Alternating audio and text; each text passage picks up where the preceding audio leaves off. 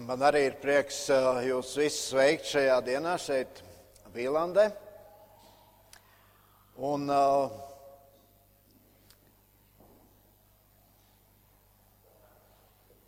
mēs jau sākot ar pirmo adventu svētdienu, uh, Vīlandes draudzē apstājamies uh, pārdomās pie vārdiem, kas ir rakstīti Mateja evaņģēlijā. Uh, šobrīd uh, esam pie Kalnu svētrunas, un uh, man ir prieks par to labo sākumu, kur mēs ļoti tā dziļi, plaši varējām apskatīt šīs Kalnu svētrunas ievadu un arī pirmo no šiem laimīgie garā nabagi, jo tiem pieder debesu valstība. Šodien mēs apstāsimies pie nākošā, kas ir rakstīts Mateja evaņģēlīja 5. nodaļa 4. pantā. Jūs varat atvērt savus bībeles, kurš pants skan tā laimīgi apbēdinātie, jo viņus mierinās. Tas ir jaunais tulkojums Tās bībeles, kas jums vairākumam ir uz soliem, ko jūs lietojat, tur ir svētīgi tie, kam bēdas, jo tie tiks iepriecināti. Mēs jau aplūkojot Mateja evaņģēliju, uh, apstājamies pie tā, ka Matejs Jēzu rāda kā ķēniņu kā ķēniņu, kurš valda, un kā ķēniņu, kuru ir jāpielūdz. Un tad, kad mēs lasām, ka Jēzus runāja, kalpoja, dziedināja, aizskāra cilvēkus, viņš vienmēr uzsvēra, debesu valstība ir tuvu. Atgriezties no grēkiem. Un uh, kalnu svētruna, pie kā tagad esam apstājušies, ir šīs debesu valstības principi un likumi. Un mēs jau domājam par to, ka runājot par debesu valstību, cilvēki ļoti dažādi par to domā. Ir cilvēki, kuri saka, nu, tas ir kaut kas mistisks, tas ir tāds baznīcas termiņš, jēdziens, tas ir kaut kas izdomāts.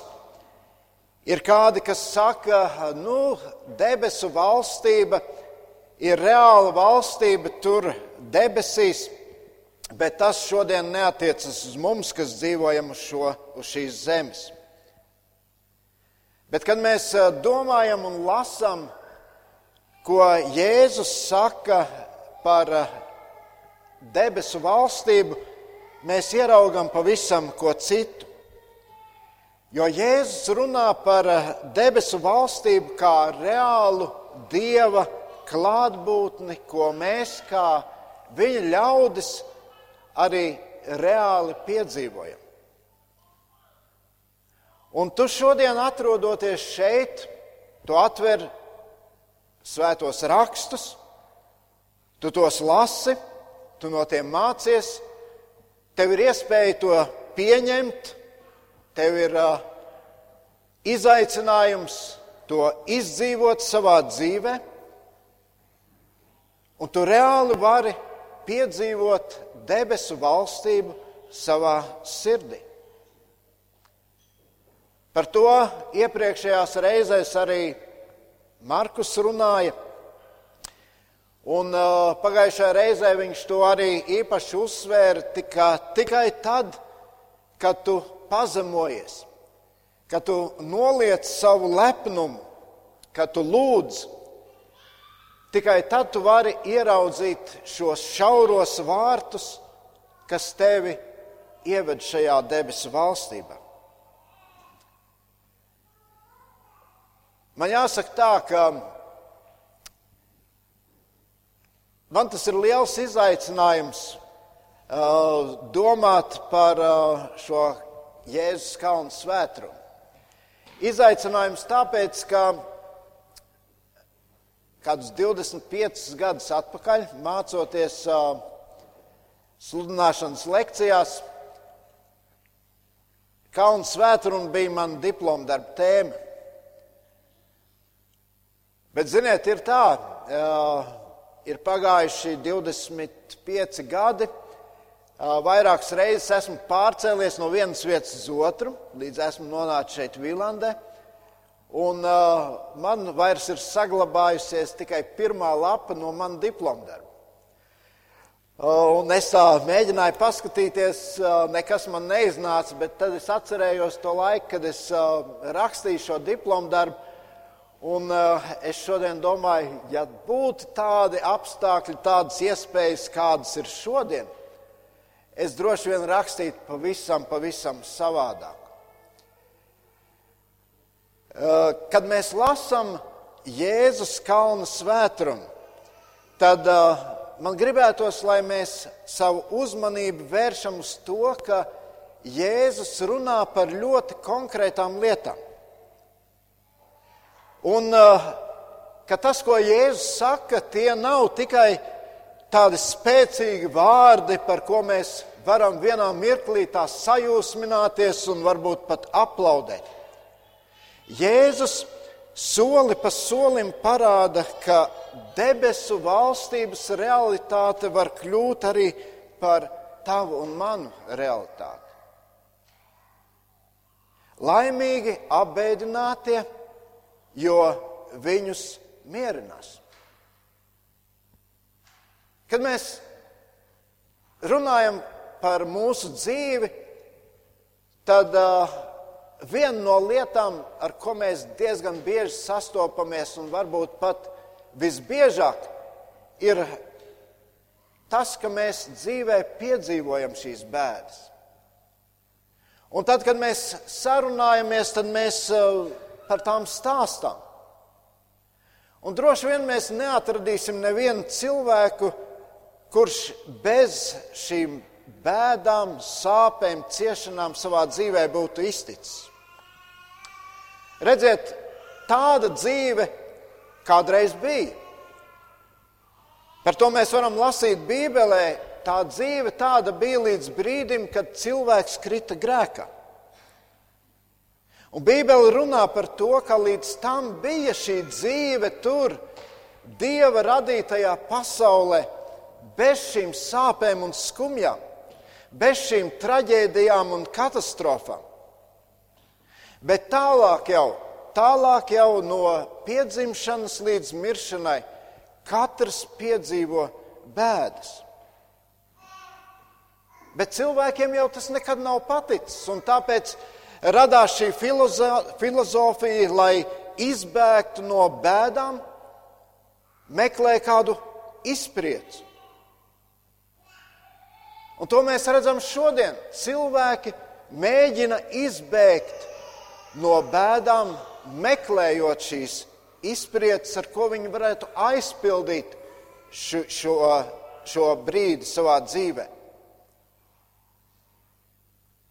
No tā brīža, kad eh, Ieva ieskatījās savā nedzīvā dēla Ābela acīs, cilvēks sāka sajust šīs ciešanas sāpes. Un mēs jau ciešam vēl arī daudz citas sāpes, un ir lietas, par ko mēs bēdājamies, lietas, par ko mēs raudām. Mēs uh, sastopamies ar slimībām, mēs sastopamies ar nepelnītiem apvainojumiem. Cilvēki šodien pasaulē cieš badu. Ir vietas, kur notiek karš, un atkal cilvēki sastopas ar ciešanām. Ir dažādas traģēdijas, un mēs Latvijā arī nesen piedzīvojam šo zolitā, zolitūdas traģēdiju un tā tālāk. Tās ir lietas, kas mūs skumdina. Tās ir lietas, kas uh, liek mums raudāt. Un kā jau es sacīju, cilvēks izdomā dažādas metodas, kā no tām izkļūt. Viena no lietām, ko cilvēks saka, man nebūtu nekādu skumju ja man, un bēdu, ja man būtu pietiekoši naudas. Un cilvēks domā, kā kļūt bagātākam. Bet, ziniet, Krieviem ir tāda laba filma ar ļoti pamācošu nosaukumu Bagātie arī raud. Un it kā jau mēs kā cilvēki saprotam, ka ne jau nauda nes laimi, bet kaut kur mūsos vienmēr iekšā ir šī doma, nu ja man būs vairāk, tad tā iespēja justies laimīgākam man būs augstāka. Vēl kā mēs cenšamies izkļūt no šīm skumjām, no bēdām, ir, ka mēs cenšamies aizmirst vai vienkārši ignorēt bēdas. Un te nu ir jāsaka, ka droši vien mēs katrs šo metodi kaut reizi dzīvē būsim pamēģinājuši. Nu, mēs pagriežam galvu projām, cenšamies nedomāt. Cenšamies uh, domāt uh, citādas domas. Un ja mēs ieraugam varbūt kādu citu bēdas, arī tad mēs pagriežamies projām un sakām, nu, priekš kam man vēl kāda cita problēmas uz sevi uzņemties. Bieži vien cilvēks mēģina aizbēgt no bēdām, mēģinot sevi atslēgt no realitātes alkohols, narkotika, narkotikas, dažādas citas lietas. Cilvēks vienmēr ir gribējis aizbēgt no bēdām. Bet tad, kad mēs atveram Bībeli, tad mēs sastopamies ar šiem savādiem vārdiem, kur Jēzus saka, ka bēdas var tevi darīt arī laimīgu. Laimīgi apbēdināti. Un te nu gribu apstāties un gribu pajautāt šo jautājumu, un uh, gribu, lai mēs katrs par to drusku padomājam, cik jūs ticat šiem vārdiem. Cik mēs šodien ticam šiem vārdiem, ka cilvēks var justies laimīgs arī raudot vai bēdājoties. Mēs jau varam dot šo pareizo atbildi. Ja es sevi saucu par kristieti, un ja tā saka Jēzus, tad jau tā ir. Bet cik šie Jēzus sacītie vārdi ir reāli mūsu dzīvē. Kā mēs patiešām varam tos izdzīvot un piedzīvot. Ja mēs gribam būt godīgi, tad mums ir diezgan grūti šiem vārdiem piekrist. Jo arī ticīgs cilvēks tāpat cieš, arī ticīgam cilvēkam tāpat sāp, arī ticīgs cilvēks tāpat sēro, arī ticīgam cilvēkam bēdas ir viņa dzīves sastāvdaļa. Bet jautājums jau vienmēr paliek, un to mēs uzdodam atkal un atkal, kāpēc mēs to piedzīvojam. Kā apbēdināts cilvēks var būt laimīgs? Bībele ļoti, ļoti daudz runā par laimi, par svētlaimi. Un es šodien gribu apstāties pie trīs lietām un domāt par to, kur tad apbēdinātie var būt laimīgi. Un uh, es gribu, lai mēs ne tikai to pārunātu, bet lai mēs vilktu paralēles ar savu dzīvi, lai mūsu dzīvē būtu ne tikai šī, kristietības teorija, kur mēs sakam, es zinu, kā Jēzus tā saka, bet lai tas reāli varētu izpausties arī mūsu dzīvē. Tātad šīs trīs lietas, kad tavas bēdas, asaras, skumjas tevi aizved pie šīs svētlaimes, pie šīs laimes sajūtas. Abēdinātie kļūst laimīgi, kad viņi nožēlo grēkus. Abēdinātie kļūst laimīgi, piedzīvojot dažādas pārbaudījumus. Un abēdinātie kļūst laimīgi, nesot cit, cita nastas, bēdājoties kopā ar citiem, līdzi jūtot citiem. Tas pirmais iemesls, kāpēc mums vispār ir bēdas un ciešanas, ir un paliek grēks. Un es jau teicu, ka pirms grēkā krišanas cilvēks vispār nezināja, kas ir bēdas. Tās sākās tad, kad cilvēks sacēlās pret Dievu. Kad viņš sacēlās pret Dieva iedibināto kārtību un likumiem. Un uh, Bībeles pirmajās lapusēs mēs lasām, ka Dievs visu bija radījis pilnīgā harmonijā. Tur valdīja miers, Tur valdīja mīlestība, tur valdīja labestība visos un visur. Bet tikko cilvēks nostājās pret Dievu, viņš saskārās ar šo ļaunumu, viņš saskārās ar bēdām un saprata, ka kaut kas ir pazaudēts. Kaut kas nav tā, kā bija, kaut kas man sāk pietrūkt.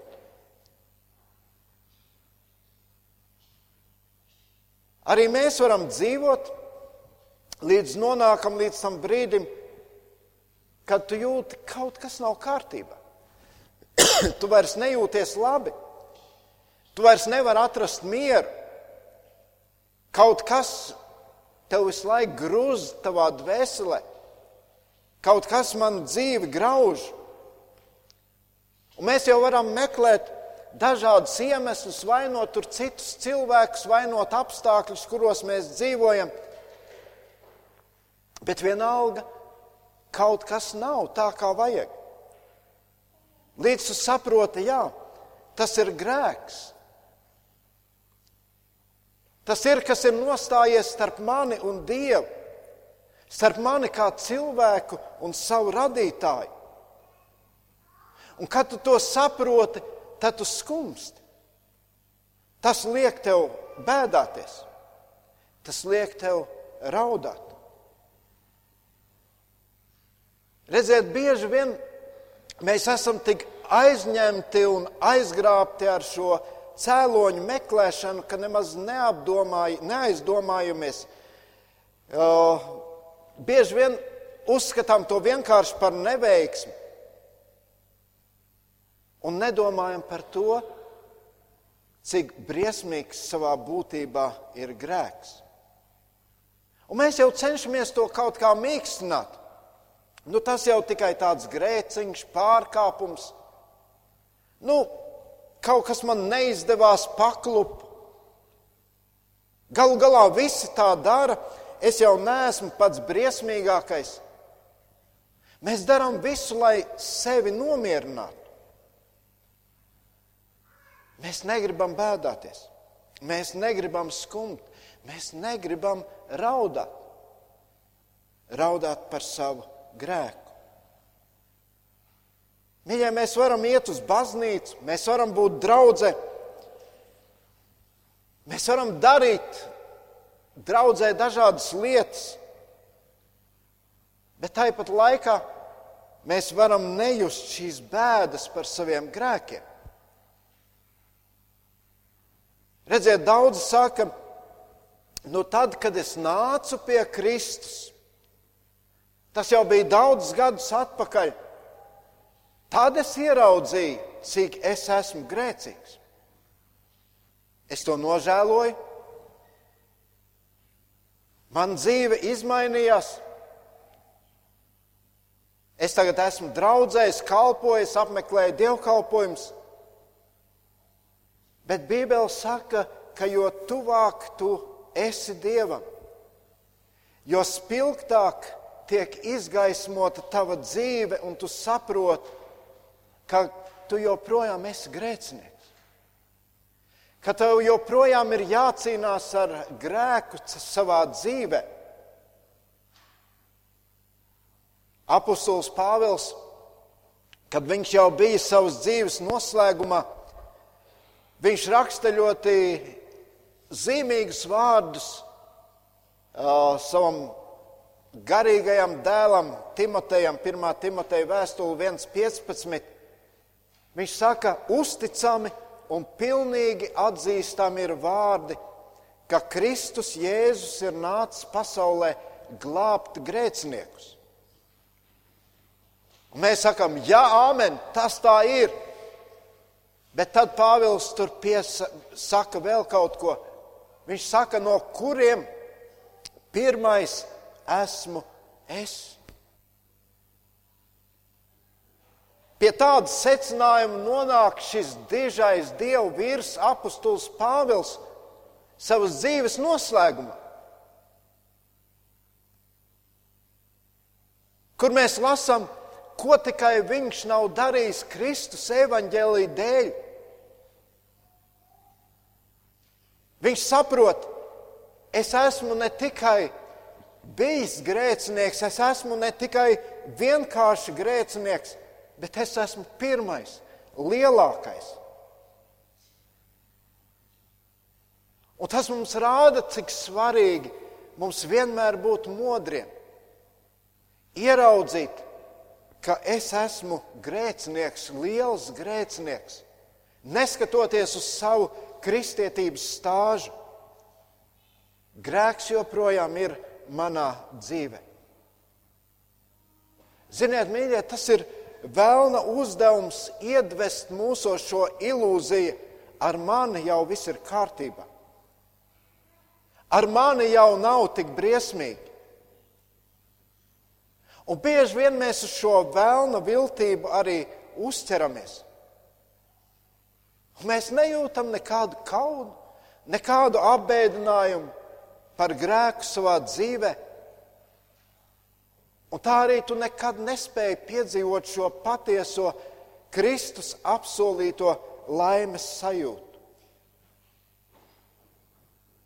Ziniet, latviešu tautai ir tā dziesma, ko mēs bieži vien dziedam, un uh, varbūt uh, tādā veidā cenšamies arī sevi nomierināt.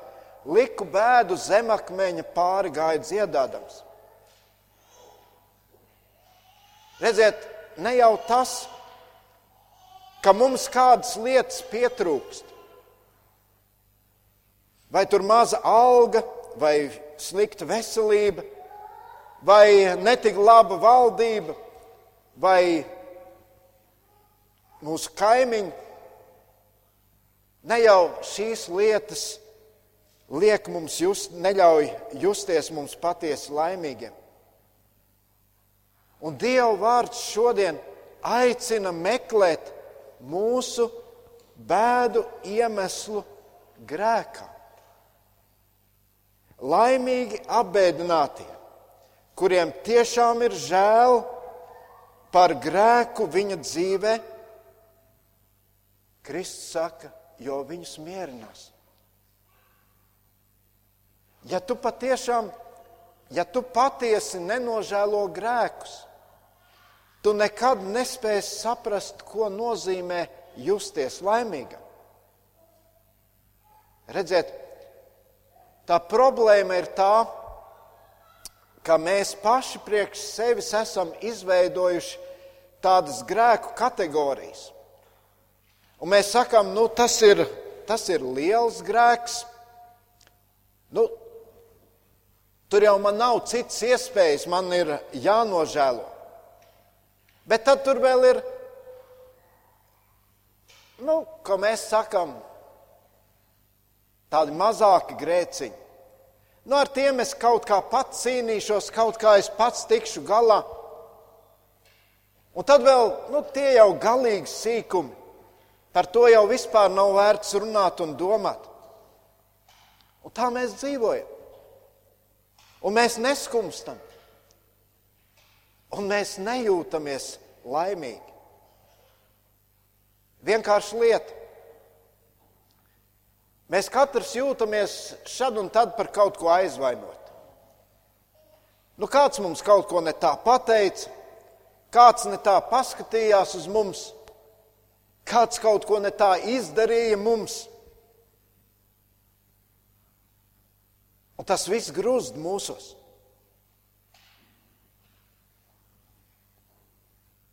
Mēs paši staigājam piepūtušies.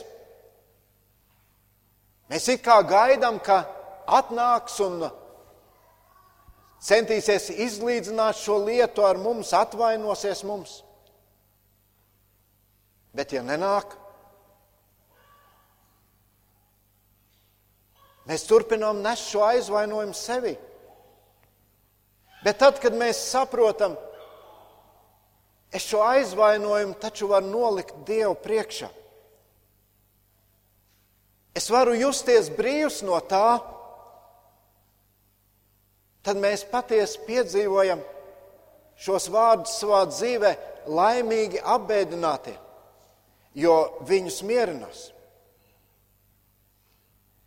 Jūs atceraties, es jau esmu to pieminējis, ķēniņš Dāvids. Dieva svētīts ķēniņš. Lielus varoņu darbus darīja. Viņa dzīve lielā mērā ir parauga cienīga, bet mēs redzam, arī ķēniņš Dāvids grēkoja. Un uh, mēs varētu teikt, nu, viņš milzīgu grēku darīja. Viņš pārkāpa laulību, viņš nogalināja cilvēku. Viņš dzīvoja. Viņš ilgi klusēja, centās dažādos veidos to noslēpt. Bet tad ir viņa brīdī, ši, viņa dzīvē šis brīdis, kad viņš patiešām ir bēdīgs. Viņš ir noskumis. Un viņš nāk Dievu priekšā un saka, mēs lasām 32. psalmā, Svētīgs, kam pārkāpumi piedoti, kam grēki nolīdzināti. Svētīgs tas cilvēks, kam tas kungs nepielīdzina viņa vainu, kuras sirdī viltības nevaid. Tālāk viņš saka, kamēr es klusēju, mani kauli panīka Un man bija jāvaid cauru dienu, jo tava roka smagi gulās uz mani dienām un naktīm. Mans spēks izkalta kā zeme vasaras bulā. Bēdas, ciešanas. Bet tālāk, tad es atzinos tev savos grēkos un neapslēpu savas vainas. Es sacīju, es izsūdzēšu tam kungam savus pārkāpumus, un tu piedevi man manu grēku vainu. Tādēļ, lai ik viens ticīgais tevi piesauc posta laikā, kamēr tu esi atrodams, ja arī lieli ūdeņi veltos, tie viņu neaizsniegs. Tu esi mans patvērums, tu mani sargāsi briesmās, tu liksi atskanēt ap mani pestīšanas gabalē. Es tevi mācīšu un rādīšu ceļu, pa kuru tev jāsteigā. Es pār tevi turēšu nomodā savu aci. Nēsiet kā zirgi, kā mūļi, kam nav saprašanas, kam iemaukti un laužņi jāliek mutē, kad viņi negrib nākt pie tevis. Bezdievīgajiem ir daudz sāpju. Bet kas uz to kungu cer, to viņš ietin žēlastībā. Priecājieties par to kungu jūs taisnie un gavilējiet visi, kam ir skaidra sirds. Šie vārdi liek mums padomāt, kā ir ar mani. Vai es patiešām gribu tikt iepriecināts? Vai es gribu saņemt šo mierinājumu? Un apostols Jēkabs raksta Jēkab 4, no 8 līdz 10. Viņš saka, Tuvojieties Dievam, un Viņš tuvosies jums. Notīriet rokas grēcinieki un šķīstiet sirdis jūs, kas esat divkoši dvēselē. Bēdājieties, vaimanājiet un raudiet.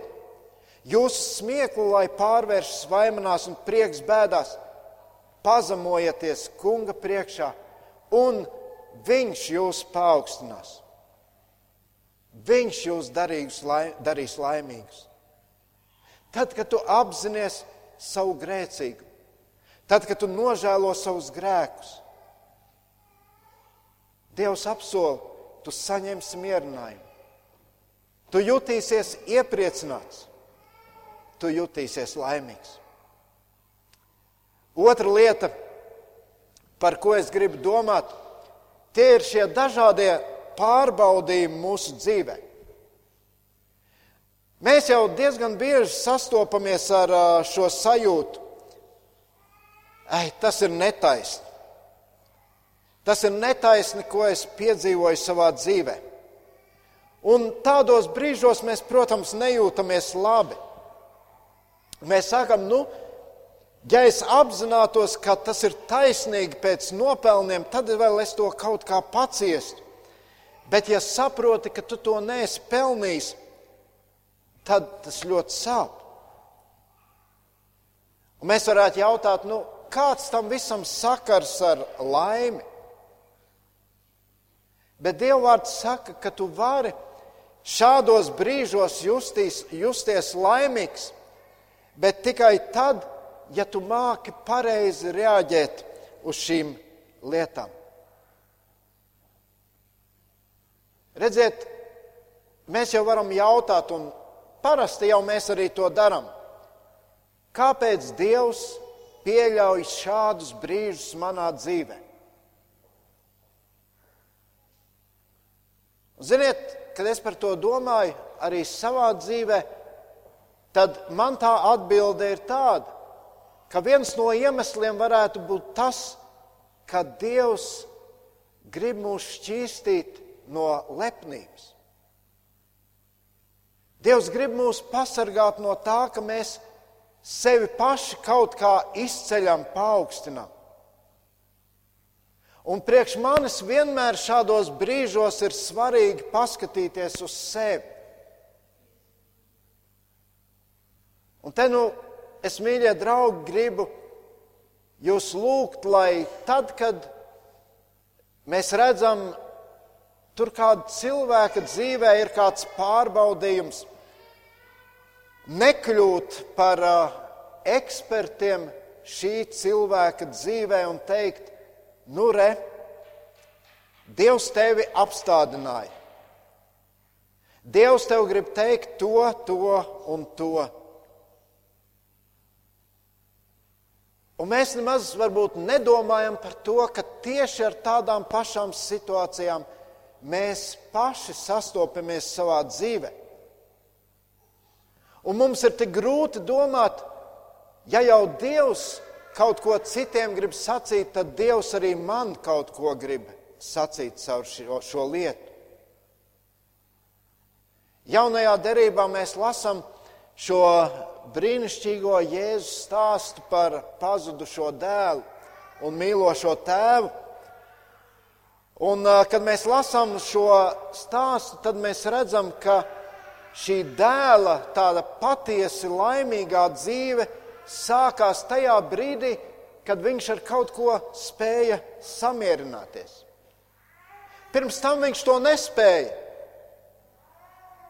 Viņš sevi salīdzināja ar citiem, bet tikai tad, kad viņš teica, es celšos un iešu pie sava tēva lai arī es neesmu cienīgs saukties par viņa dēlu. Tad sākās viņa svētība. Redziet, daudzi dzīvo bēdās tikai tāpēc, ka nespēj samierināties. Nes sevī šo rūkumu, šo aizvainojumu. Un mums jau katram dzīvē ir sava situācija, un es aicinu skatīties uz savējo un jautāt, kur Dievs man šodien liek ar kādām lietām samierināties. Mans pieminētais apustulis Pāvils saka ļoti interesantus vārdus. 2. korintieši 12.7. Viņš saka par sevi, lai es nepaukstinātos īpašo atklāsmi dēļ, man ir dots dzelonis miesā, sātana eņģelis, lai tas sistu mani, lai netopu iedomīgs. Ziniet, tie dažādie pārbaudījumi, protams, ko mēs paši neizprovocējam, ir brīži, kad Dievs grib mums parādīt realitāti. Un tad, kad mēs samierināmies, tad mēs jau vairāk iepazīstam to, kāds ir mūsu Dievs. Un jo pazīstamāks ir Dievs, jo vairāk to piedz, tu piedzīvo šo īpašo svētlaimes sajūtu savā dzīvē. 94. psalmā no 17 līdz 19. Mēs lasām, ja tas kungs nebūtu mans palīgs, tad jau sen mana dvēsele dusētu klusēšanas zemē.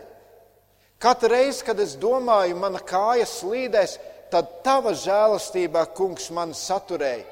Kad man ir daudz sirdēstu, tad tavs mierinājums ar vien iepriecina manu dvēseli.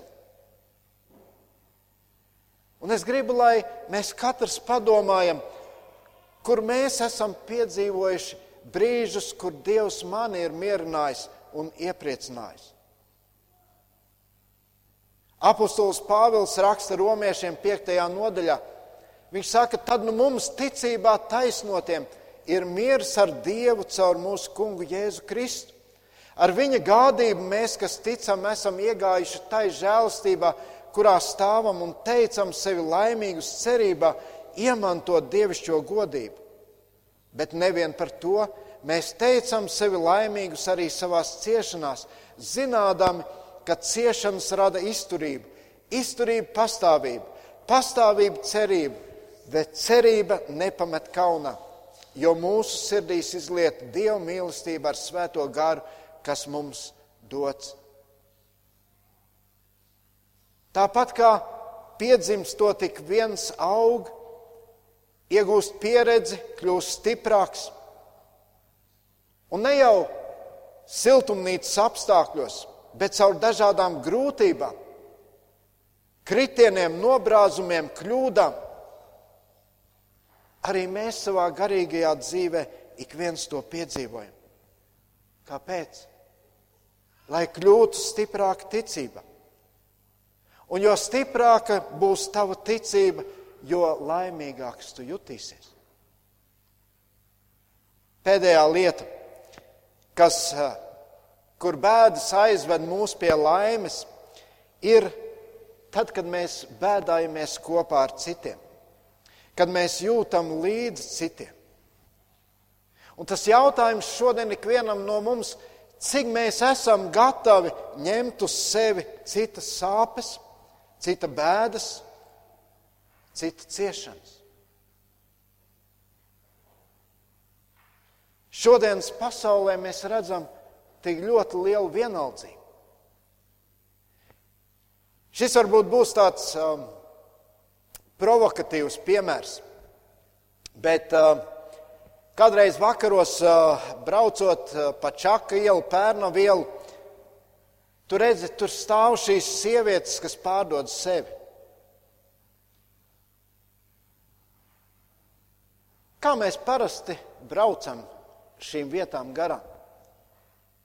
Bieži vien mūsos ir tāds nicinājums, un es domāju, lielākā daļa cilvēku, kas tur brauc garām ar nicinājumu, noskatās uz šiem cilvēkiem.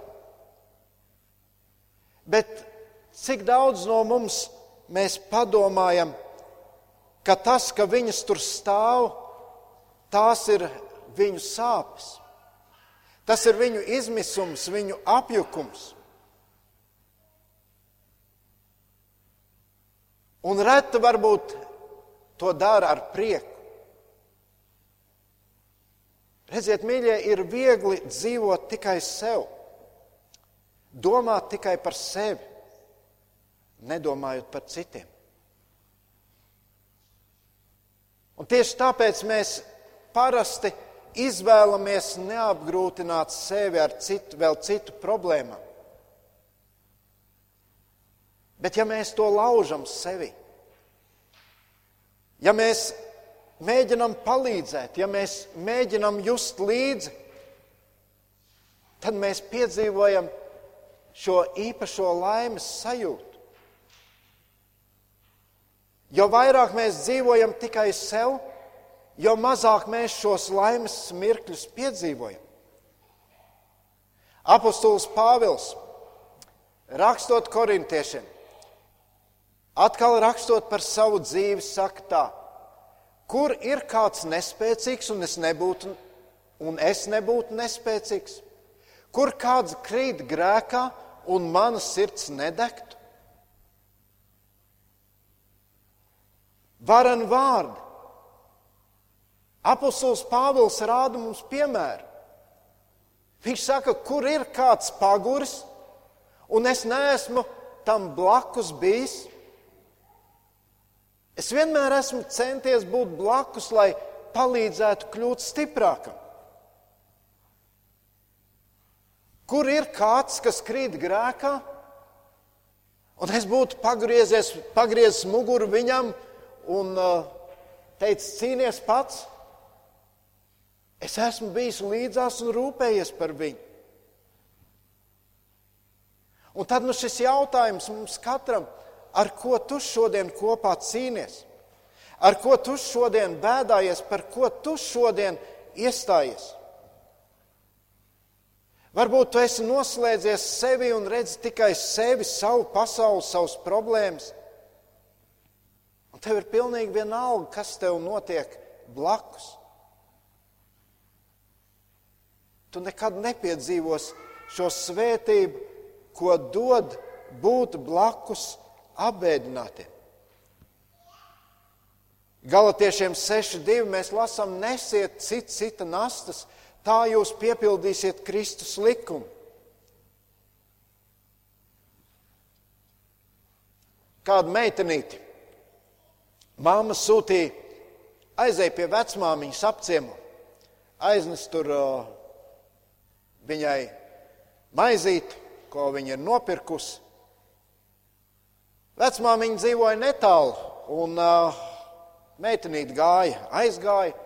Ilgu laiku projām mamma jau sāk uztraukties, bet uh, viņa pārnāk mājās, un mamma viņai jautā, kur tu biji tik ilgi?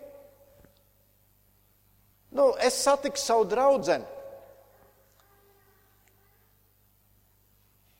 Viņai To skaisto lelli, kas viņai bija, kāda zēni, vienkārši saplēsa. Un mamma jautā, nu, ko tu darīji? Tu palīdzēji viņai kaut kā šo lēli salabot. Šī meitenīte noskuma un teica, zini, man nebija tas iespējams. Bet tas, ko es varēju, es palīdzēju viņai raudāt. Un citreiz tiešām ir tā, ka tu neko citu nespēji, kā vienkārši palīdzēt kādam raudāt. Jau bieži vien nav iespējams sasmelt izlieto ūdeni, nav iespējams salikt kopā saplīsušo, nav iespējams kaut ko atgriezt atpakaļ. Bet tu vari būt līdzās. Tu vari šo daļu sāpju un bēdu ņemt uz sevi un tā palīdzēt. Tas ir apbēdināto mierinājums, kas arī tev liks justies laimīgam.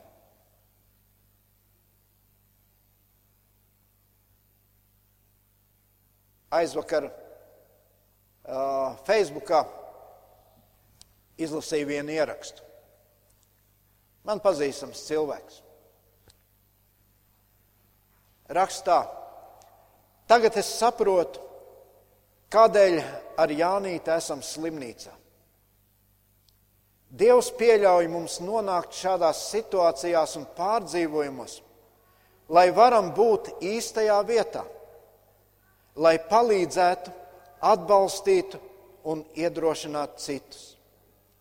Manā gadījumā Madariņu un viņas bērniņu.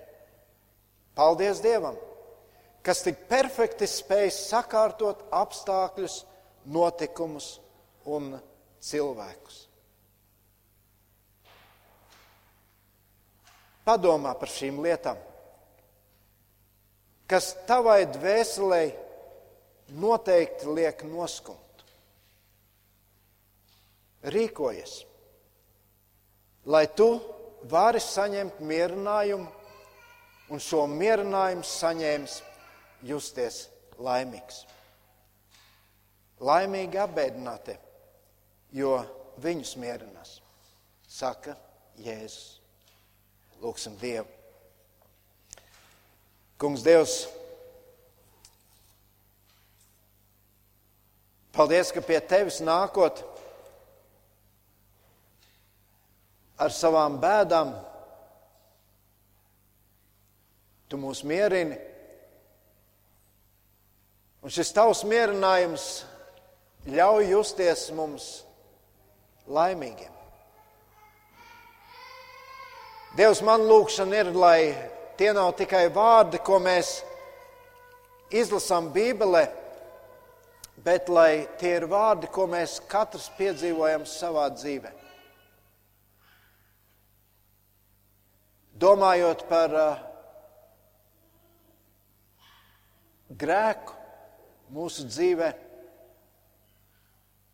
Dievs palīdz mums tavā priekšā būt atklātiem, to noliekot un saņemot šo piedošanu, justies laimīgiem. Kungs palīdz, lai tad, kad mēs dzīvē sastopamies ar kādiem pārbaudījumiem, lai Dievs, mēs spējam ielūkoties savā dzīvē un saprast, kā arī caur tiem tu mūs māci. Un to sapratuši, ļauj mums justies laimīgi. Un paldies, ka mums ir cilvēki līdzās. Un mēs redzam šīs viņu bēdas un ciešanas. Un Dievs ļauj mums piepildīt arī to, ka mēs esam blakus viņiem, palīdzam viņiem, mīlam viņus, atvieglojam viņiem šīs sāpes, šīs ciešanas. Un ļauj mums piedzīvot, ka tas dara mūs patiesi laimīgus. To Kristu mēs tavā vārdā lūdzam. Āmen!